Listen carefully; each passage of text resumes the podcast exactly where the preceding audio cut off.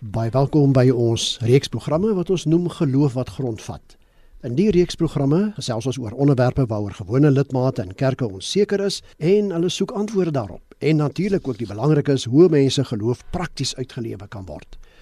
Ek is Flip loods en ek verwelkom vanaand hier by my vir professor Christina Landman. Sy is professor in teologie by Unisa en by haar sit Dr Isak Burger, hy's voormalige president van die AGS van Suid-Afrika. Baie welkom aan julle twee. Baie dankie en goeienaand. Goeienaand. Neem gerus ook vanaand deel aan ons program op een van die volgende maniere deur die SMS nommer 45889. Onthou net elke SMS kos R1.50 en ons e-posadres is by rsg.co.za. Onthou dan ook dat hierdie program nie aan jou as luisteraar voorskrifte gee van presies hoe om te lewe nie, maar riglyne waarbinne jy self keuses kan maak. En RSG stem ook nie noodwendig saam met die opinie van enige persoon wat aan hierdie program deelneem nie. In die kerke word daar onder andere gepreek oor twee plekke na die dood, Isak en Christina, die hemel en die hel. Maar is daar enigsins 'n lewe na die dood of is alles maar net verby wanneer jy sterf? Geloof wat grondvat gesels vanaand hieroor en wil 'n klompie antwoorde hê. Christina, kom ons spring weg met jou. Benewens jou dosente werk by Unisa, jy is ook verbonde aan 'n gemeente in die Verenigde Gereformeerde Kerk. Wat sou jy sê is die algemene beskouing by lidmate van die VGK oor die lewe na die dood? Flip, ek het onlangs vir gemeentelede gevra, hoe dink hulle gaan God lyk nadat hulle oorlede is en hulle sien God vir die eerste keer? En ek was toe verras om agter te kom dat 'n hele aantal van hulle en dit kom nou uit 'n breingemeenskap uit al na doodse ervarings gehad het. Min of meer het hulle gesê dat God is lig God was 'n geweldige lig, hulle is daartoe aangetrek, maar dan om een of ander rede is hulle teruggeroep deur hulle kinders of hulle naasbestaanes om terug te kom en dat dit vir hulle weerstellend was, want dit was vir hulle 'n wonderlike ervaring. Hulle sien God nie as 'n regter nie. Hulle is nie bang om dood te gaan nie. Wanneer hulle dan nou sterf, dan het Jesus klaar vir hulle sondes betaal en hulle sien God as tegemoetkomend en liefdevol. So die met wie ek gepraat het, het 'n baie baie positiewe gelukkige gevoel gehad oor om te sterwe en wat met hulle gaan gebeur na die dood. Hoe nodig sou jy sê is dit vir mense om te weet of daar lewe na die dood is? Flip, wanneer ek 'n begrafnis hou, dan sê ek altyd twee dinge. Ek sê in die eerste plek dat ehm um, hierdie persoon is wat oorlede is, is nou by God. Ons glo dit. Hy of sy is by God.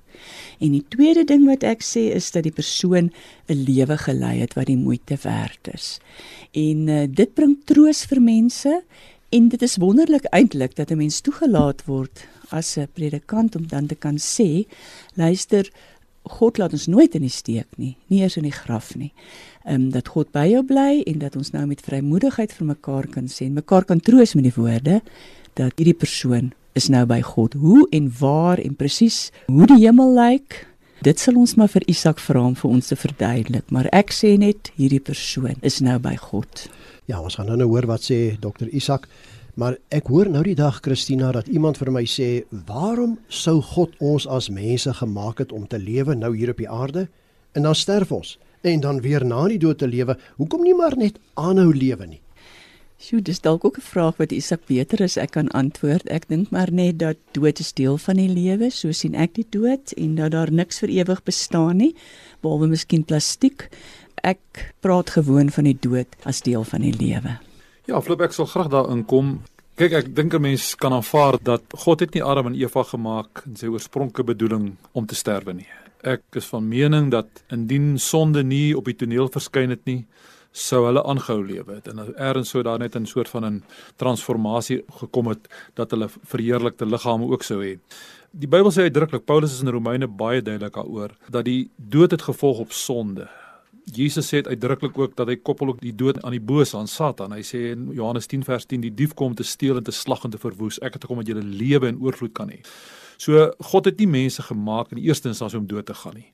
Dank die Here hy het verlossing en 'n verlosser gestuur om die mense uit die toestand van dood, ook geestelike dood, op te wek deur wedergeboorte en na die fisiese dood uiteindelik weer die wederkoms weer opstanding ook van die liggaam en 'n verheerlikte liggaam.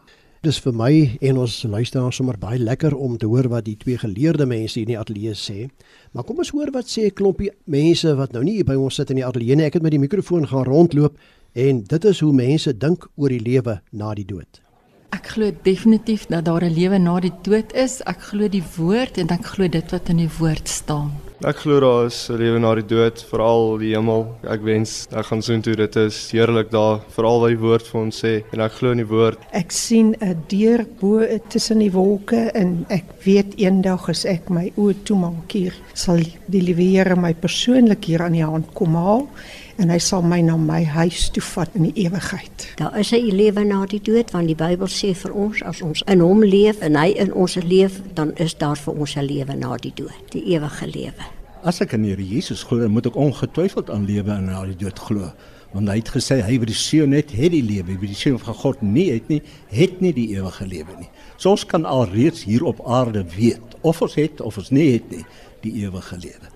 Om eerlik te wees, ek het die laaste paar jaar van my lewe baie stryd gehad daaroor omdat ek swat en baie met wetenskaplike dinge te doen het. En ek het baie geworstel daarmee, maar daar's soveel dinge vir my wat dui op dat iets die aarde moes geskaap het, iets intelligent. Daar's soveel bewyse wat daartoe wys. En om daai rede glo ek dat as God sê wie hy is, dan is daar 'n lewe na die dood, want hy het dit beloof. So as mens dit vat, dan kan mens dit glo. Ek glo definitief daar 'n lewe na die dood. Die Here het in sy woord vir ons gesê hy gaan om vir ons plek voor te berei en hy kom weer terug om sy kinders te kom haal en ek glo dit met my hele hart. Persoonlik kan ek nie wag om eendag saam met hom in die hemel te wees en dit te ervaar daarso nie. Ek glo definitief in die lewe na die dood.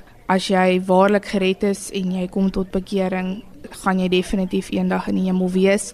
En ja, ek kan nie wag vir die hemel nie want daar gaan geen seer en geen pyn en niks meer wees wat ons op hierdie aarde van vandag ervaar nie. Nou ja, daar sê so dink 'n klompie mense oor die lewe na die dood. Isak, Christina, hoe reageer julle? Wel ek sou sê dat daar geen rede is om mense se hoop te steel op 'n lewe na die dood nie.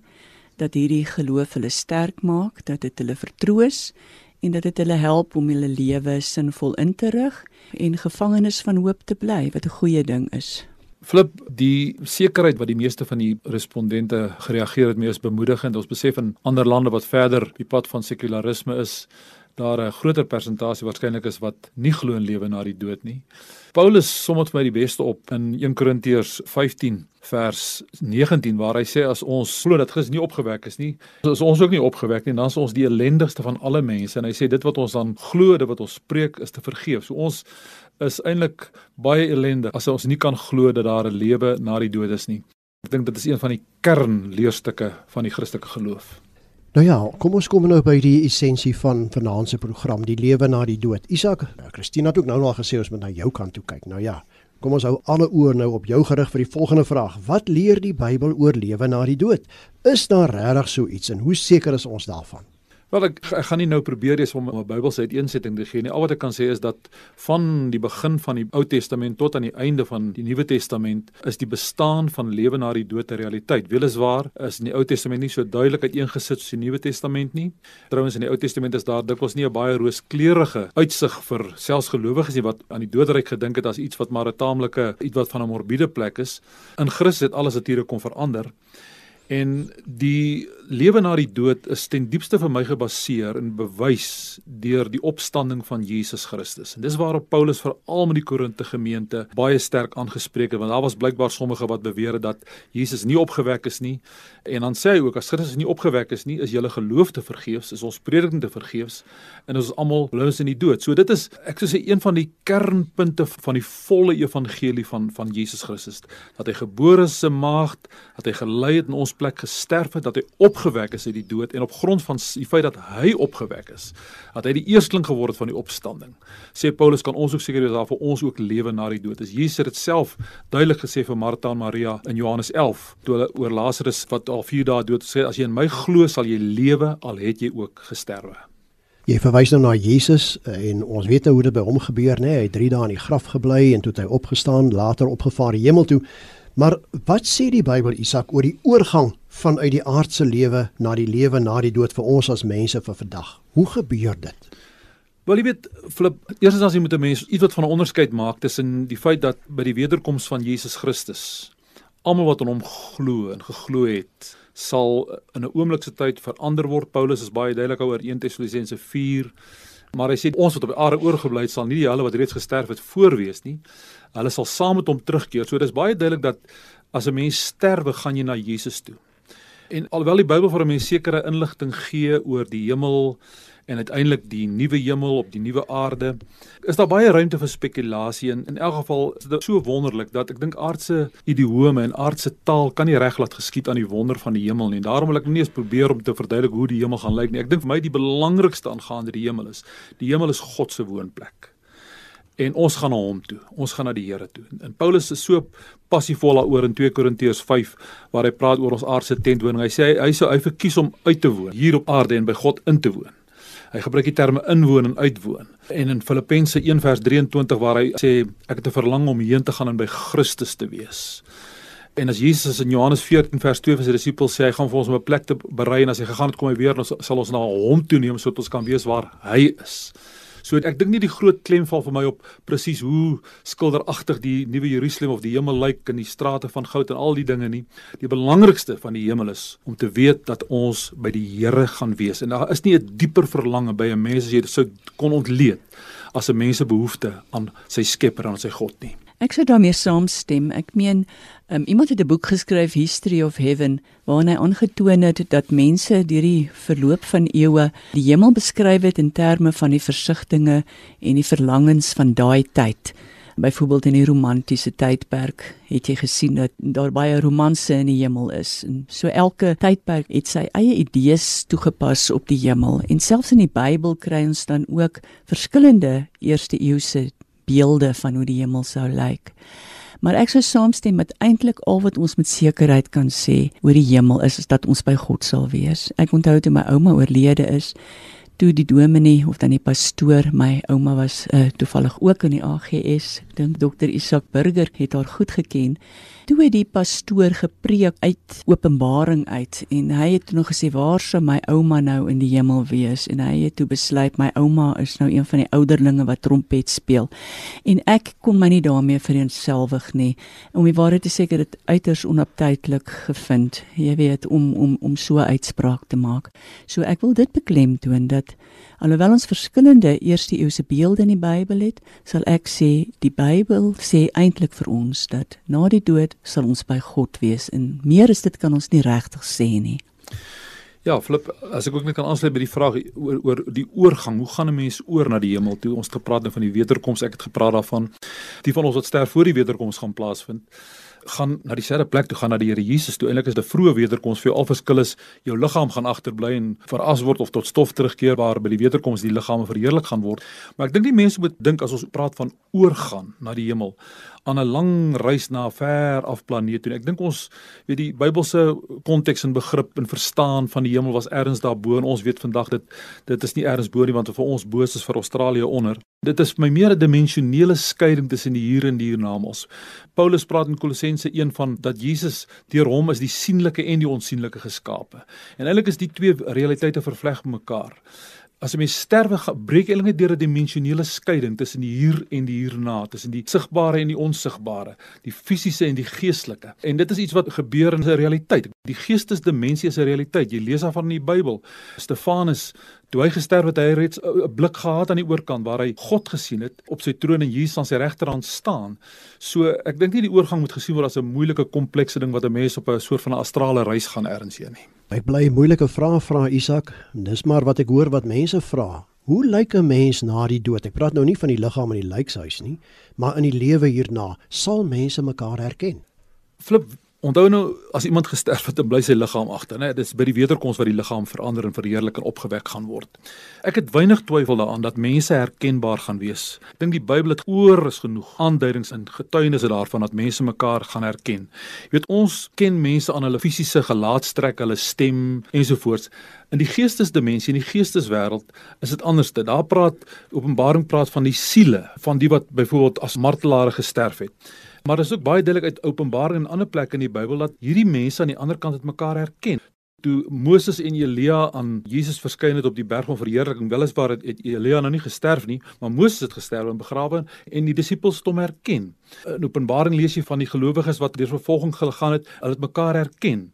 Hy praat van die lied van die lam in, in Openbaring 5 waar mense uit alle stamme, volke, tale en nasies die Here aanbid dit is sinloos om te dink hy sal verwys na sulke etniese en geografiese groeperinge as hulle nie erkenbaar was nie. So al is dit nie in 'n aardse gestalte nie, ons kan ons kwaliek inding in 'n driedimensionele wêreld waar ons sintuiglik met mekaar kennis maak hoe dit moontlik kan wees, maar dit is die realiteit wat die Bybel vir ons verseker sê, ons gaan mekaar erken aan die ander kant en ons gaan weet wie wie is en ons sal sekerlik dan mekaar ook kommunikeer. Ek kan miskien net sommer hier sê interessant genoeg is dat die Bybelse wêreldbeeld van drie verdiepings dat die mense wat nou na die hel toe gaan is onder die grond en dan toe na die aarde en dan toe na die hemel waarheen mense gaan wat na die dood dan nou by God sal wees dat iemand het inderdaad navorsing daaroor gedoen en gevind dat ten spyte van alles wat ons vandag weet oor die aarde dit rond is en so die mense eintlik nog in hulle daaglikse belewing die wêreld so sien.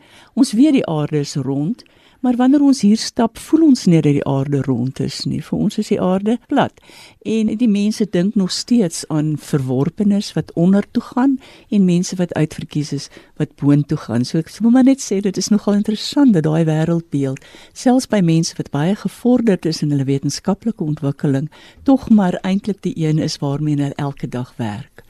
Dit is RSG met die program Geloof wat grondvat. Ons gesels vanaand oor die lewe na die dood en my gaste is professor Christina Landman en dokter Isak Burger. Luisteraars kan gerus saamgesels deur middel van ons SMS nommer 45889. Elke SMS kos R1.50 of kontak ons ook per e-pos by rsg.co.za.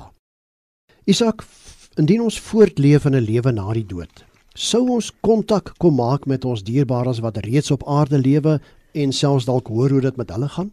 Wel weer eens flip volgens die skrif is daar 'n paar gevolgtrekkings wat 'n mens kan maak. In die eerste plek, dit lyk asof diegene wat vooruitgegaan het wat reeds in die hemel is, wel op hoogte van sake is wat op die aarde aangaan. Ek het nou verwys na daardie gedeelte in Openbaring 7 waar hy praat van die martelare wat vir die Here roep, hoe lank voor hy ons bloed gaan wreek en dan verwys hulle na ander op die aarde wat soos hulle ly en Jesus sê vir hulle, die getal is nog nie vol nie, daar's nog wat moet sterwe voordat hierdie afrekeningsdag kan kom. So dit lyk asof daar kennis is van die aarde na die hemelse kant toe. Abraham wat in die paradys was in Lukas 16 het geweet van die ryk man se vyf broers en dat hulle 'n Bybel in die huis het, dat hulle die woord in die huis het. So daar's duidelik kennis wat op een of ander manier oorgedra word. Maar die Bybel is ook duidelik daaroor dat dit nie moontlik is om van die ander kant te kan kommunikeer met hierdie kant nie. Die enigste moontlike uitsondering daar is die geval van die heks van Endor en dit het God as 'n uitsondering toegelaat hoe hy dit al wil verklaar om 'n oordeel oor Saul aan te kondig maar daar is nie kommunikasie moontlik van die ander kant af na hierdie kant nie. So enige persoon wat beweer dat hulle met mense aan die ander kant kan kontak maak of boodskappe van die ander kant af kan oordra vir mense wat nog lewe, is besig met of met 'n klugspil of dit is om dit reguit te sê dit is dis demonies van aard of kulties van aard en ek dink nie enige gelowige behoort om daarmee op te hou nie. Trouwens die Ou Testament spreek God om baie sterk uit teen mense wat probeer om daardie kontak te bewerkstellig. Nou ja, voor ons verder hoor wat ons kundiges vanaand vir ons sê, kom ons kyk 'n bietjie na van die SMS SMS'e wat ingekom het. Ek sien hier Sandra van Pretoria skrywe: Ek wonder al lankal oor die lewe na die dood. Hoe gaan dit wees? Gaan ons werk soos ons nou en eet en by mekaar kuier? Nou, dis 'n heel praktiese vraag. En dan hier nog eene van Gary van Johannesburg. Jesus praat in die Bybel van 'n plek in die huis van sy Vader wat hy vir ons gaan voorberei. Bedoel hy nou hier 'n letterlike huis? Is dit 'n soort van 'n woonstel gebou of wat? Dus met ander woorde, gaan ons werk en eet en hoe lyk die huis waarin ons bly? Wel, Philip, een ding is seker ons gaan nie aan die ander kant wat sommige mense vir hulle opgemaak het, hulle gedagte op wolkies sit en met harpe speel nie. Ons gaan ook nie net heeltyd met ons hande in die lug staan en in die Here aanbid. Party mense dink dat ons vir eeue na eeue net gaan fisies aanbid wat mense in die kerk aanbid nie. As die Bybel vir ons sê dat die nuwe Jerusalem gaan neerdal op die nuwe aarde, en hy praat van diere wat daar gaan wees en uh, lewens wat ons ken. Ek dink ons gaan sekerlik op 'n manier werk, maar werk gaan nie 'n straf wees nie. Ons gaan aktief wees. Jy weet, ek moet dink ek gaan nou vir 1000 jaar aan mekaar net bid of my hande in die lug staan. Eh, dit moet later aan vervelig raak. En ek weet tyd gaan nie bestaan nie, soos ons dit nou ken in elk geval nie. Maar een ding wat ek van die hemel ver verseker is en wat ek in die Bybel 'n duidelike indruk kry is dat dit nie vervelig gaan wees in die hemel nie. Gaan ons huise daar hê? Hoe God ons gaan akkommodeer? Daaroor wil ek nie spekuleer nie. Wanneer die Bybelskrywers en veral Johannes Openbaring vir ons sekere dinge vertel wat hy gesien het, is dit eintlik 'n onmoontlikheid wat hy probeer doen. Trouwens Paulus in 2 Korintiërs 12 sê dat hy dinge gehoor wat hy nie eens kan uitspreek nie. Dis boaardse ander dimensionele realiteite wat in aardse woorde en aardse begrippe en idiome moet uitgedruk word. Dis amper 'n onmoontlikheid. So ek dink nie ons moet heeltemal so menslik dink aan vertrekke of gedeelde huis of iets van die aard nie. Ons gaan woonplekke hê, daar gaan nie woningsnood in die hemel wees nie. Niemand gaan sonder woning wees nie. Die belangrikste weer eens, ek dink ons gaan by die Here wees. En dit definieer vir my die hemel. Al sou die hemel lyk soos Sahara woestyn, as die Here daar is, hy gaan dit hemel maak. Hy is die belangrikste een in die hemel. Hy is die een waaroor die hemel gaan. Iemand vra nou die dag vir my, hoekom wil mense hemel toe gaan, maar dit klink maar vir hom na 'n vervelige plek. Ek kon toe maar net sê wel, ten minste gaan jy daar nie meer dood wees nie.